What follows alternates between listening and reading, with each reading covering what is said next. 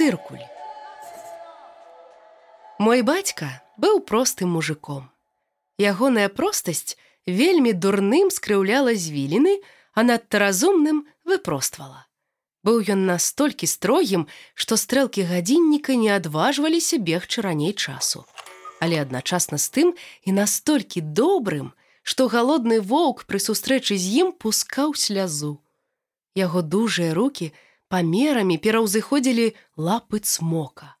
А сіла ў іх жыла такая, што маглі рух плыняў, якія кіруюць вятранікам змяніць, або падкінуць лёгкая пёрка так высока, што падала яно толькі ў наступным годзе.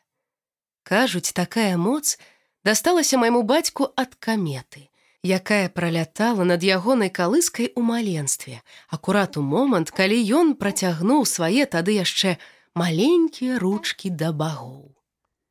Сілу сваю, бацька заўсёды намагаўся выкарыстоўваць на карысць, асабліва ў гаспадарцы. Хоць вуглаватай шапачкі з мантыяй ён ніколі не надзяваў, але па-майстэрску валодаў цыркулем і малатком. То мост пракладзе праз раку, то дом музам збудуе або хлеў чатырохногім, а аднойчы збудаваў такую высокую вежу, што яе было відаць нават з найглыбейшых нізінаў памежных земляў. Таму, калі ў нашых краях зноў з'явіліся нашчадкі псоў рыцараў, то адразу загадалі бацьку прыйсці. Іх целы блішчалі цемрай з крыжамі, а кроў падманам. Мелі гэтыя чэрці патрэбу ў вялікай колькасці рознага кшталту пабудоў. Але бацька мой адмовіў, маўляў, няхай хоць харон яго перавозіць.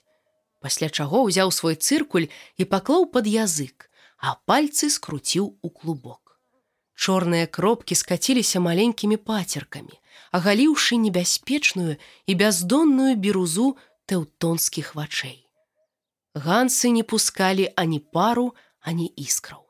Адно паставілі ўмову, што захаваюць столькі жыццяў у ягонай сям'і, колькі чалавек змесціцца ў пабудовах бацькі. Ад часу яму адвялі, пакуль птушкі, што нядаўна адляцелі, зноў не вернуцца. Акрамя бацькоў, у таты майго было пяць братоў. У кожнага жонка і не меней за пяць дзяцей.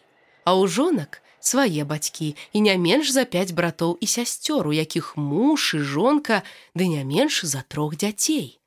Таму працаваць яму даводзілася шмат і ў шумы, ў цішыню і ў поўню і ў нераст, і на дзень народзінаў і на пахаванне.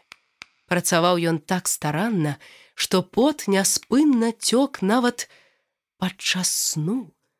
Лічылася пот працаўніка, валодае гаючымі ўласцівасцямі. Дык моя маці яго збірала ў бочкі, якіх тады набралася стузін.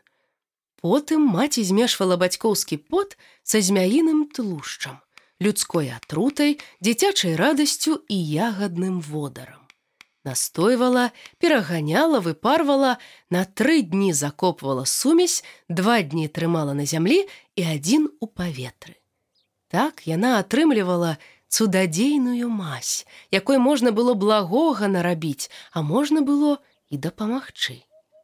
Як вярнуліся птушкі, маці дала нашым нацерціся мазю.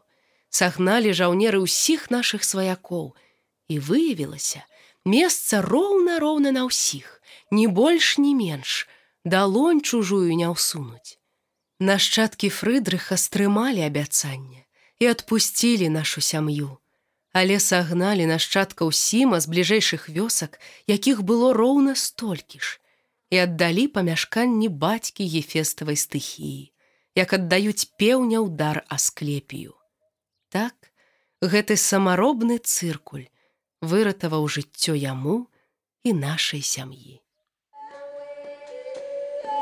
мастацкі падкаст па кнізе кірыла стаселькі пімкі агучвала Крысціна дробыш